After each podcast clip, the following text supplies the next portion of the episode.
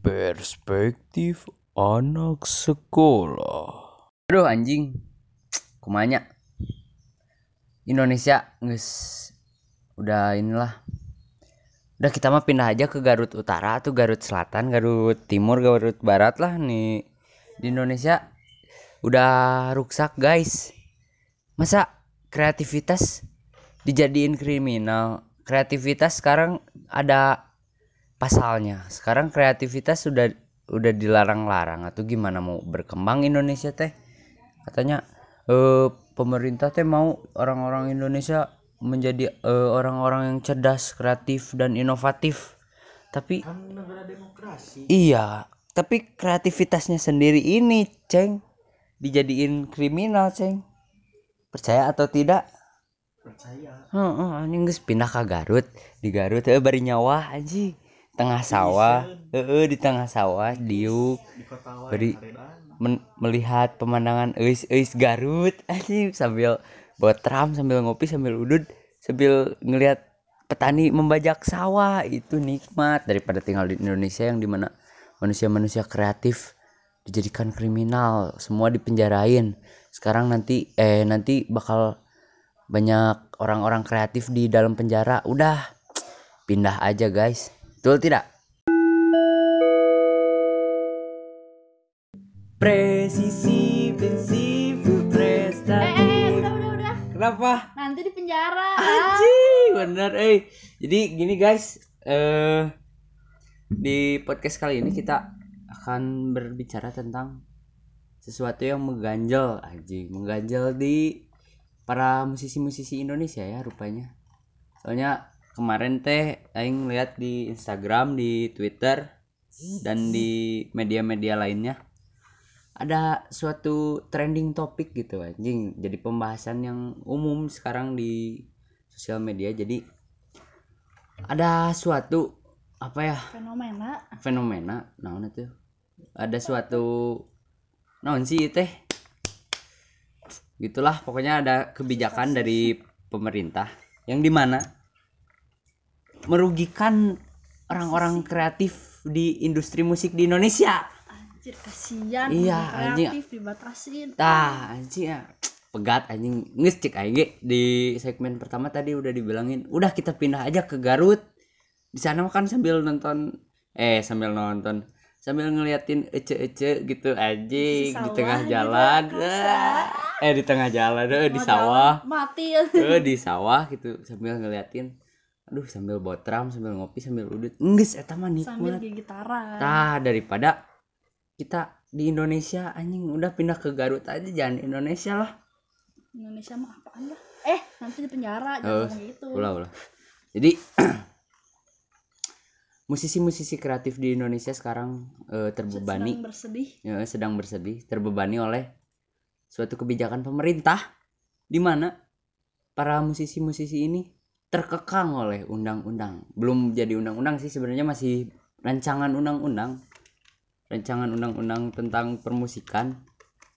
Jadi eh eh jadi pemerintah lebih menyudutkannya bukan ke musisi-musisi yang emang apa ya?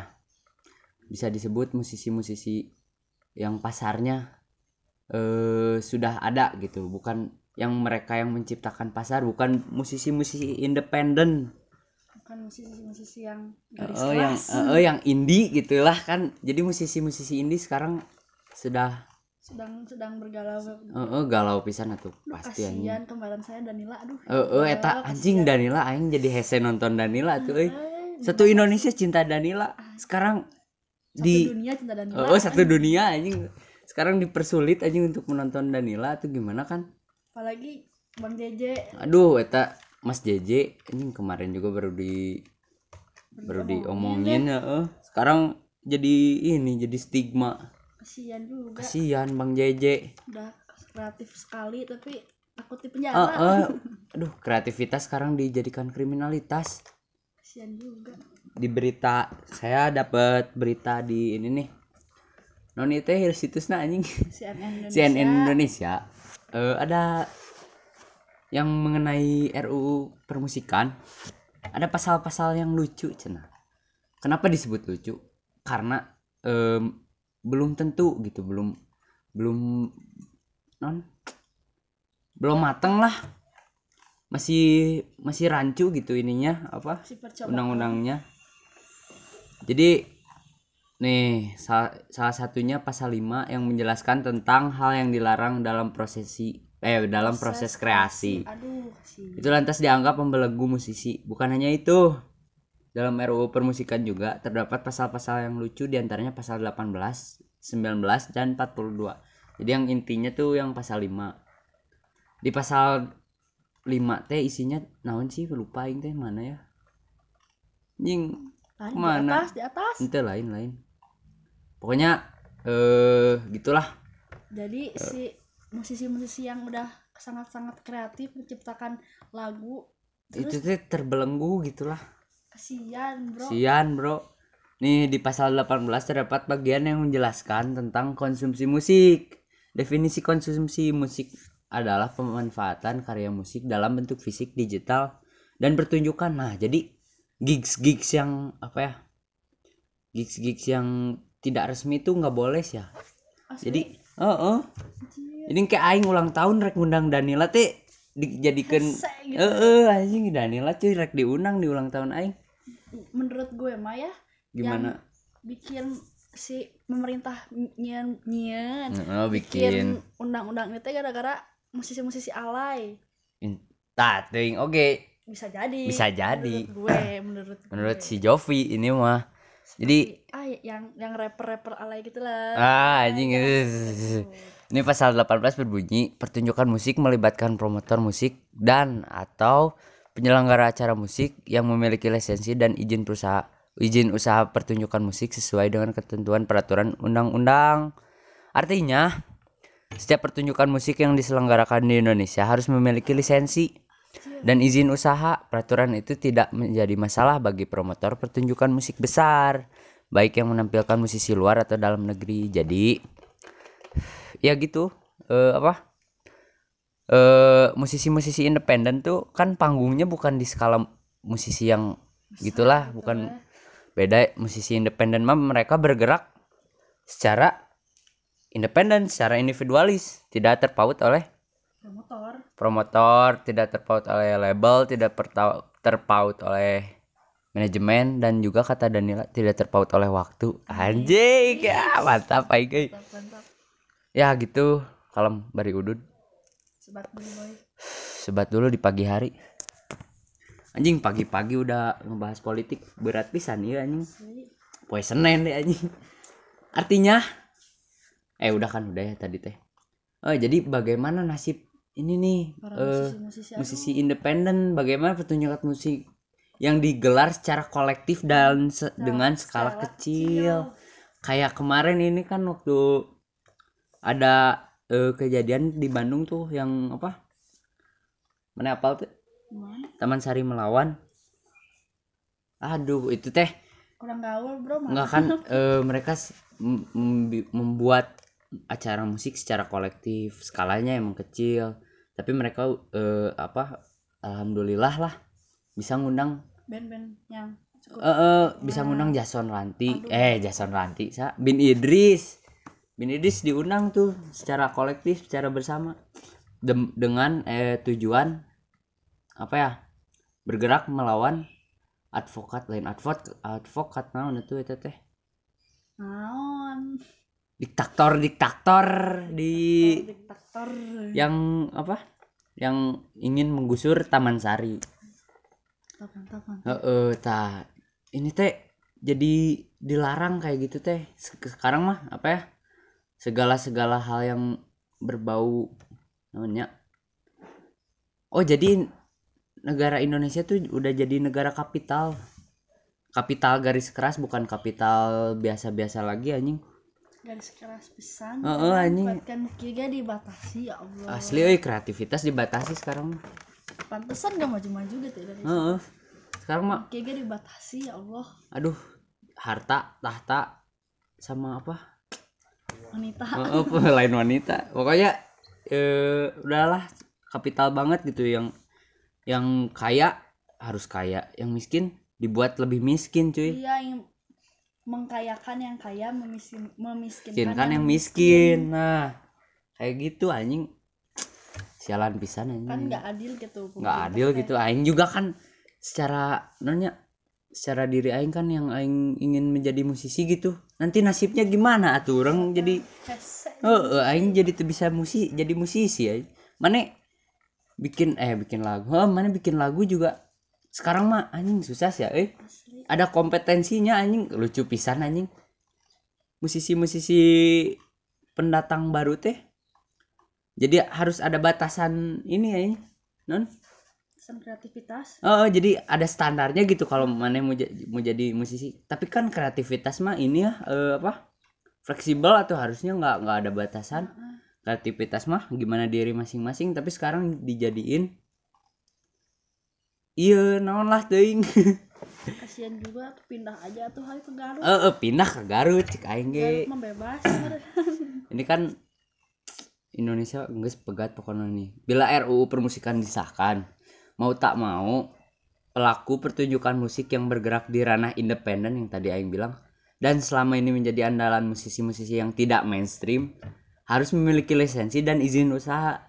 Bila tidak mereka bisa dianggap pelanggar hukum dan ditindak aparat penegak hukum. Dah gitu anjing. Jadi sekarang eh non prinsip hirup aing yang di mana anti basic anjing teu bisa anjing. Anti basic kes aing juga nih udah anti basic Eh, eh, tuh si Jovi juga udah anti basic tapi anjing sudah tidak bisa sekarang mah.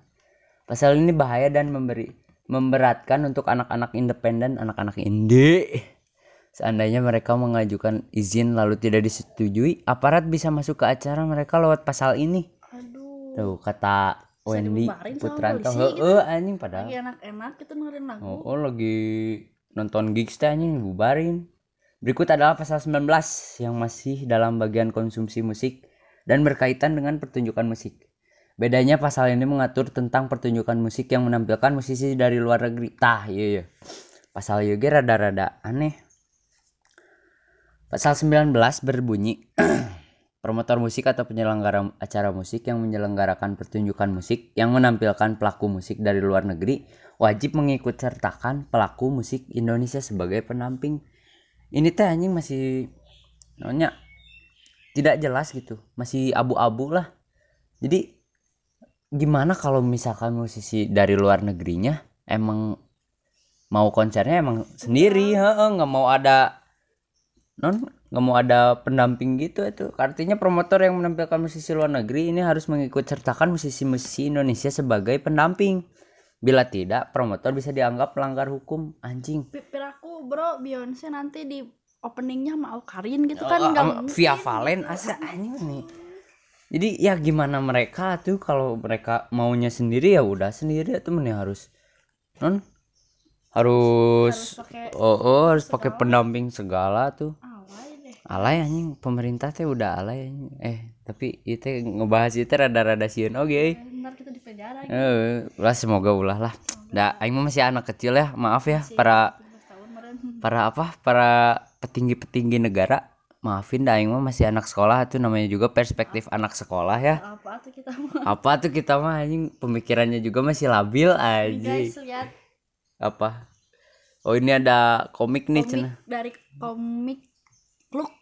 Kumaha kumaha kumaha nih para musisi-musisi dijadiin komik nih. Ada, ada Vincent baca tuh baca. Nih ini siapa sih? Gi? apa? Aing Bob Marley meren. Marley meren. Orang berbau reggae gitulah. kok aku kena pasal pasal berlapis padahal cuma nyanyi koplo doang. Tuh anjing. memang begitu adanya lalu bagaimana dengan dirimu kawan? Anjir Anjing. katanya sel kamu menghadap senja. Ya ada siapa ini tuh namanya? Siapa itu? Gak tahu anjing. vokalis vokalis 420 Oh, Ari Lesmana. Ari Lesmana ada yang like juga makan Oh, bray Anjing Alek kok tetap santo di dalam ini juga di di komiknya anjing.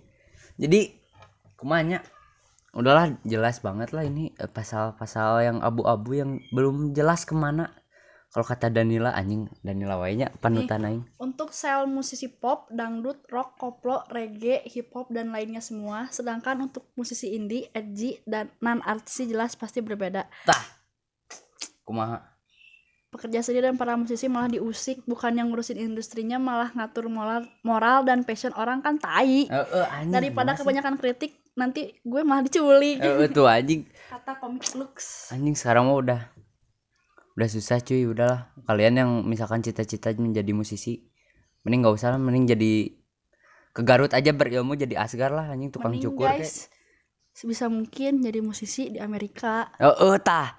Bener. Misalkan orang Indonesia merasa iri gitu kenapa musisi-musisi Indonesia nggak ada yang apa berjuang di negaranya sendiri?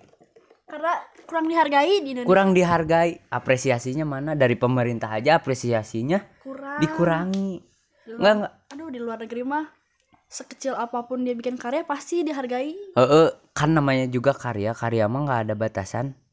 Eh penentunya jadi mana mau bikin misalkan nih mana eh, karya mana tukang ngegambar. Mana ngegambar kayak anak TK kalau itu emang karya mana ya itu emang non? Patut diapresiasi. Eh, harus diapresiasi maupun itu secara secara besar gitu apresiasinya atau kecil. Yang penting kan harus ada apresiasi lah untuk supaya memperkembangkan para orang-orang kreatif di Indonesia. Betul? Betul. Tah gitu. Enggak enggak ini masih di pasal 19 ya. Gini nih aing teh belum nonton si Guros anjing. Sekarang musisi-musisi luar negeri juga udah pada susah mau main di Indonesia. Pada males bro. Heeh, nanti teh- aja gak mau ke Indonesia mah. kalau misalkan eh undang-undang ini jadi gitu ya disahkan. Kalau misalkan undang-undang ini disahkan insya Allah lain insya Allah kita bisa jadi. Orang-orang luar negeri anjing. Labu eh. orang-orang luar negeri pada males satu datang ke Indonesia. Orang-orang Indonesia sendiri bahkan pada males gitu. Eh eh, udahlah nggak usah. Ya kalau ditanya gitu. Eh eh, kenapa musisi-musisi Indonesia kurang diapresiasi cina orang orang apa pemerintahnya juga nggak ngapresiasi musisi atuh Se- kalau seenggaknya kalau nggak ngapresiasi gak usah ngusik gitu. Ah eh ada penjelasan secara rinci pasal ini tetap terasa lucu bayangkan saja. Pemerintah sampai ikut mengikut ikut mengurusi penampilan musisi luar negeri niatnya mungkin baik melindungi musisi dalam negeri namun tidak se- semua musisi luar negeri mau ada pendamping bisa jadi mereka punya konsep penampilan sendiri bila RUU permusikan disahkan bisa-bisa musisi luar negeri malas datang ke Indonesia tuh kata Jovi tadi kan bener Ini kata Wendy nggak tahu siapa Wendy teh. Hoax sebat dulu lah. Kayak gini sebetulnya nggak perlu diatur. Gue rasa pasal 19 ini sangat berlebihan. Pasal ini nggak jelas juga tuh anjing. Ini ada pasal lucu lainnya. Pasal 42 yang masuk bab 4 tentang perlindungan musik. Pasal tersebut berbunyi pelaku usaha di bidang perhotelan, restoran, atau tempat hiburan lainnya wajib memainkan musik tradisional di tempat usahanya. Nggak Mana ngerti gak? boy ngerti jadi maksudnya semua tempat harus ada Musik tradisional ya gitu. maksudnya teh mungkin untuk eh, meng- Iya sih. ya mengembangkan musik tradisional Oh, Tapi oh, nggak tapi gitu gitu juga. Harusnya gimana? Misalkan contoh nih ya, Mane datang ke tempat Meksiko yang emang konsepnya eh tempat usaha ini emang dengan tema Meksiko, masa harus ngedengerin lagu dangdut atuh? kan gak lucu Anjing.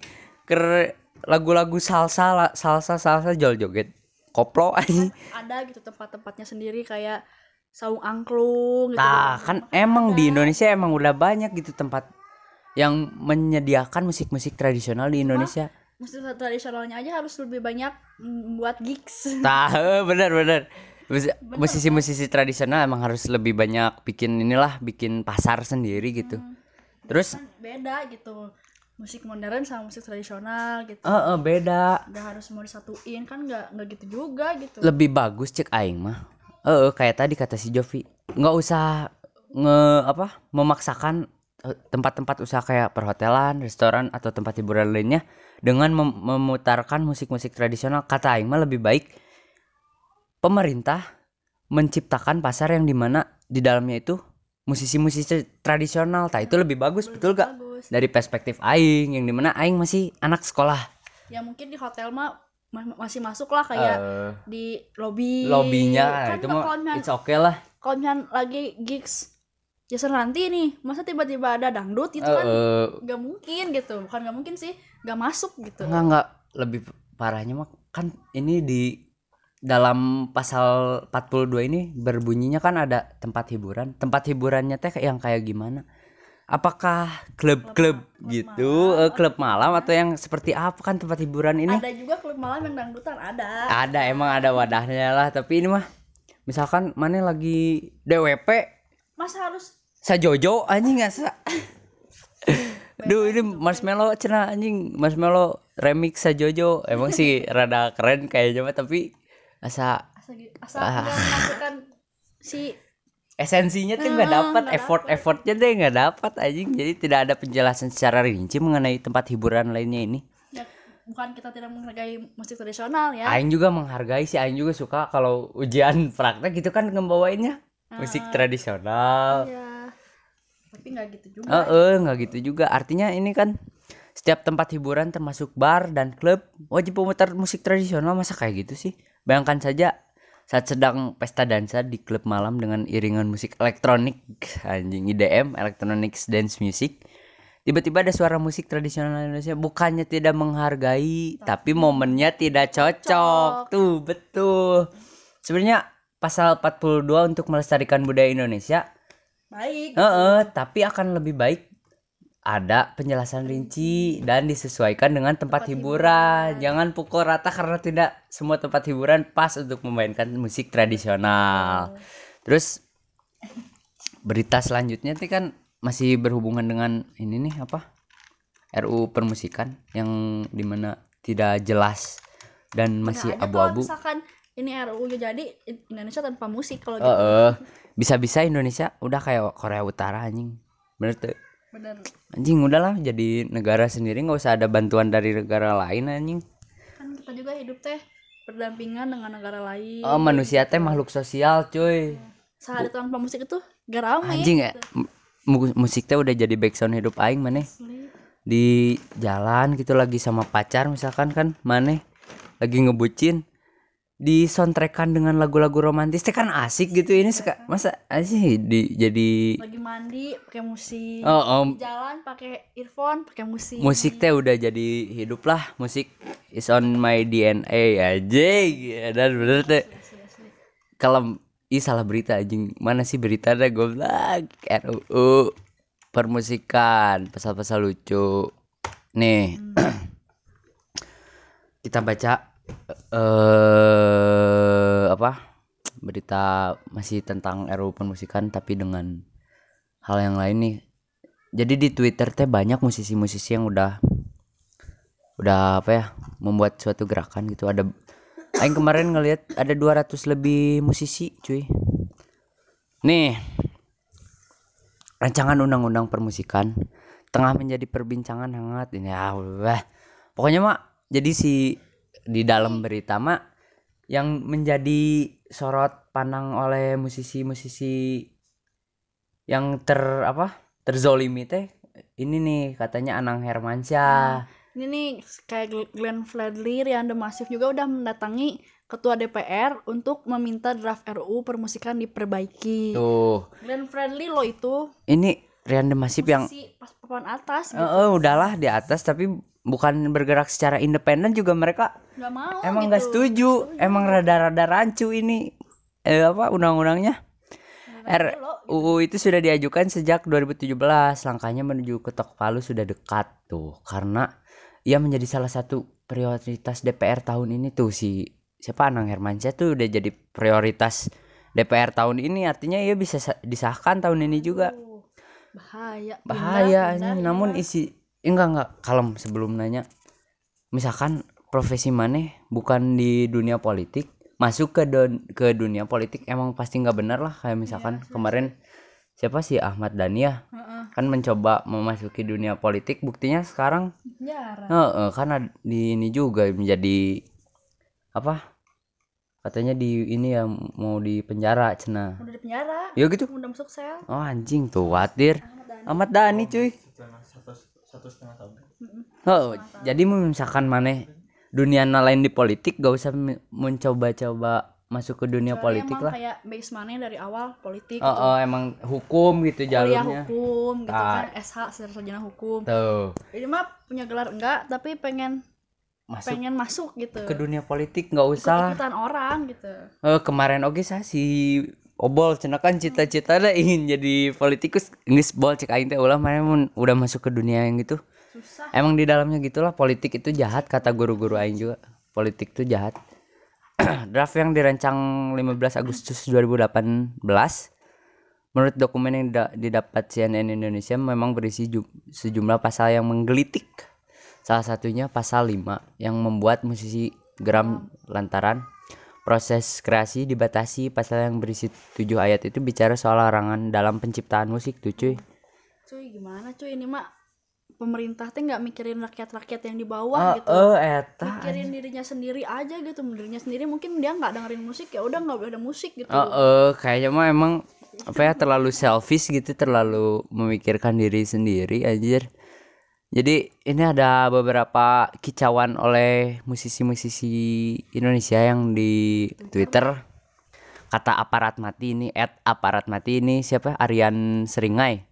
RUU permusikan buat gue gak perlu. Masalah industri musik hak cipta perdagangan dan lainnya kan sudah ada undang-undangnya juga disempurnakan lah. Apalagi dalam RUU permusikan banyak pasal-pasal karet yang mengekang kreativitas di negara. Negara lain gak ada UU sejenis karena memang, gak perlu jadi kenapa disebut pasal karet? Karena tidak ada titik tolak ukur yang jelas gitu. Terus ini kata The Panturas. Eh at The Panturas. Apa? Siapa paket? Nih job talangan heula yeuh si podcast aing. Paket apa tak? Ya ntar. Jadi tadi ada adik aing cenah ada paket. ya bentar. At the ban at the Panturas kembali lagi ya. Jadi Bang at mur, murar Maru Maruarar underscore Sirait. Ini dapil Sumedang. Jatinangor masuk Sumedang. Kita sebagai konstituen abang kecewa yang kudu dibenerin lewat RUU permusikan industrinya. Bukan ngurusin apa yang mau kita tulis lewat lagu. Nongkrong lah dia jeung barudak tuh. asli Para petinggi-petinggi negara juga. pemerintah itu terjun langsung ke ke apa namanya ke sir circle musisi-musisi gitu Ah, Harusnya lihat apa yang mereka buat Eh, eh, harus ada apa ya?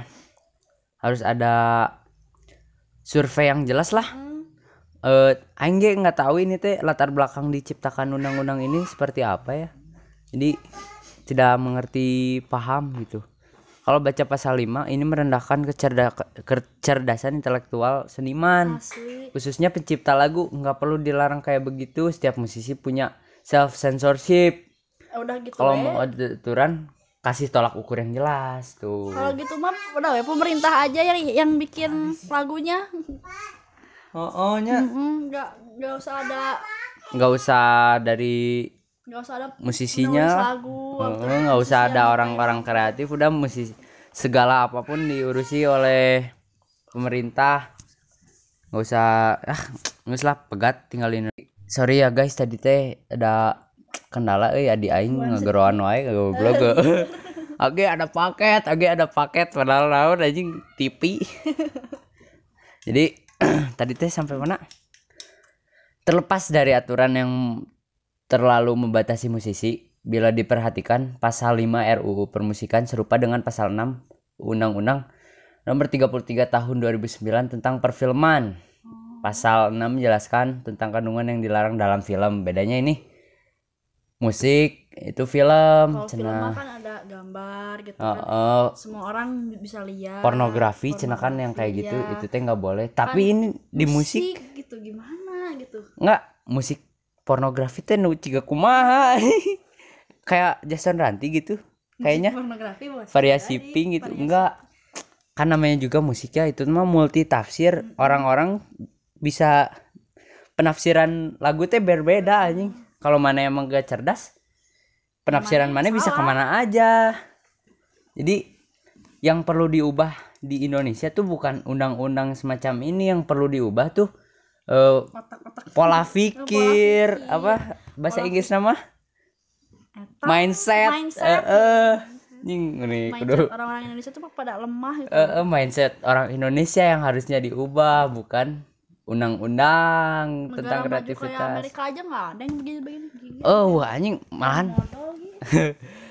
di Amerika aja ya ada namanya eh kebebasan berekspresi gitu ada Rage Against the Machine mereka konser mereka ngebakar bendera bendera negaranya sendiri itu bukan menjadi sebuah apa ya sebuah kriminal.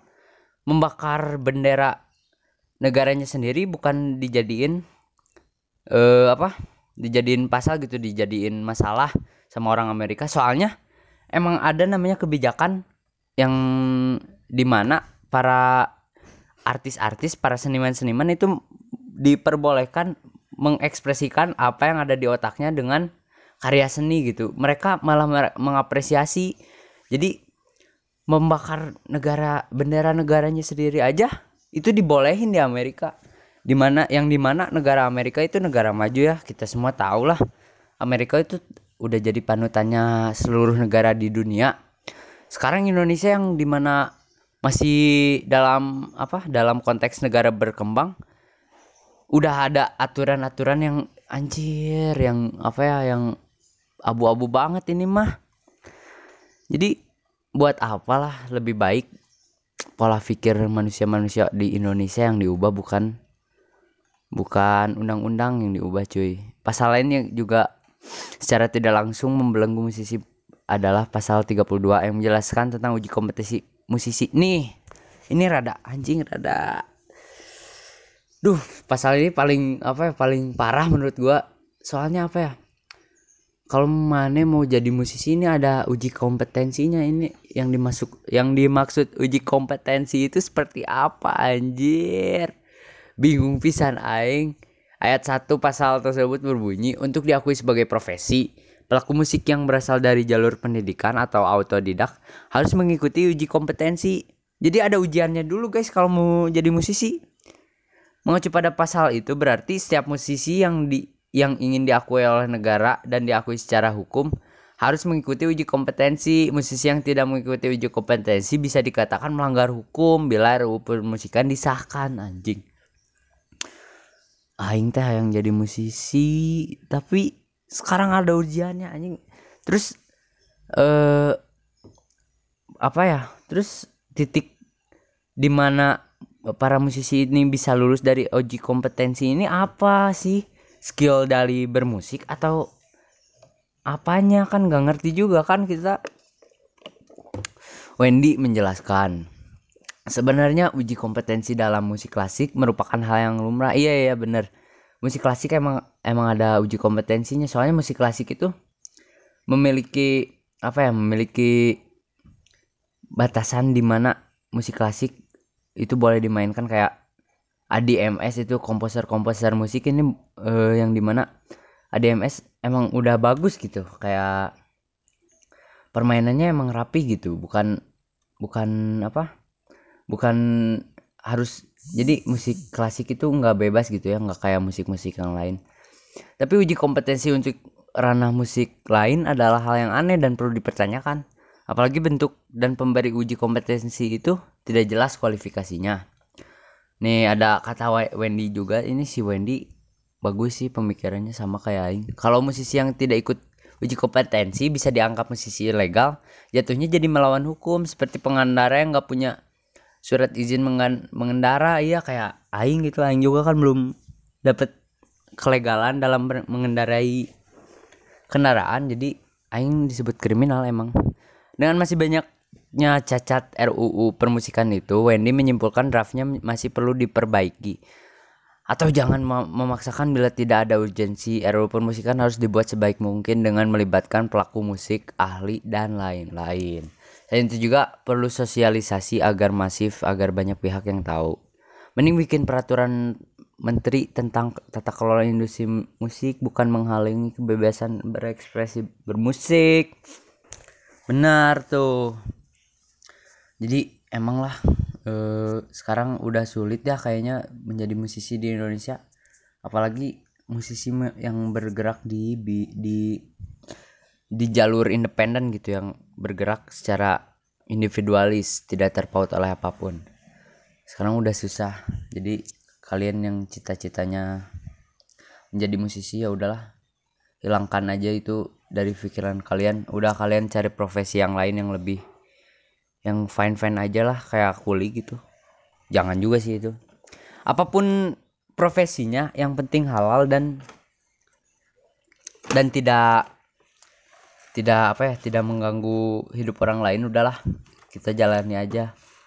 Kalau misalkan kalian jadi pemerintah nggak usah ngurusi hidup orang lain juga nggak usah menutup rezeki orang lain juga itu jatuhnya dosa loh. Jatuhnya bisa di mata Tuhan itu jelas tidak adil. Tuhan itu maha adil. Kalian aja diadili sama Tuhan. Kalian bisa mengadili orang lain dengan tidak jelas itu udah jadi dosa cuy. Kalian mau melebihi Tuhan gitu. Betul gak? Udah segitu aja kayaknya podcast dari perspektif anak sekolah. Maafkan bila eh, pemikiran-pemikiran kami tidak jelas. Karena kami masih anak sekolah yang perlu bimbingan secara jelas oleh yang lebih lebih dewasa. Aing juga eh, sebenarnya belum terlalu legal belum genap 17 tahun. Jadi aing masih disebut di bawah umur. Aing masih tidak jelas. Jadi maafkan bila pemikiran kami ini tidak terlalu tidak apa ya tidak tajam gitu tidak jelas. Yang penting pemikiran kami ini sesuai dengan apa yang musisi-musisi dan orang-orang kreatif inginin. Soalnya di zaman sekarang manusia kreatif pasti lebih sukses. Insya Allah. Aing juga kan mau jadi artis satu eh ingin jadi Hai guys. seniman. Eh gan Jovi is back. Jovi is back. Tadi modal dulu Cen. Si aja sebatin. si aja disuruh ke sini ya? Oh udah. Siap mantap. Ya nanti kan episode wah wah. nanti kan non Episode selanjutnya dari podcast anak sekolah. perspektif Oh, perspektif anak sekolah. ya nanti kan episode selanjutnya jadi podcast perspektif anak sekolah nama gua Agi Nama gue Jovi. lagi lagi Nama gue Jovi. kita eh sudahi saja podcast hari ini bye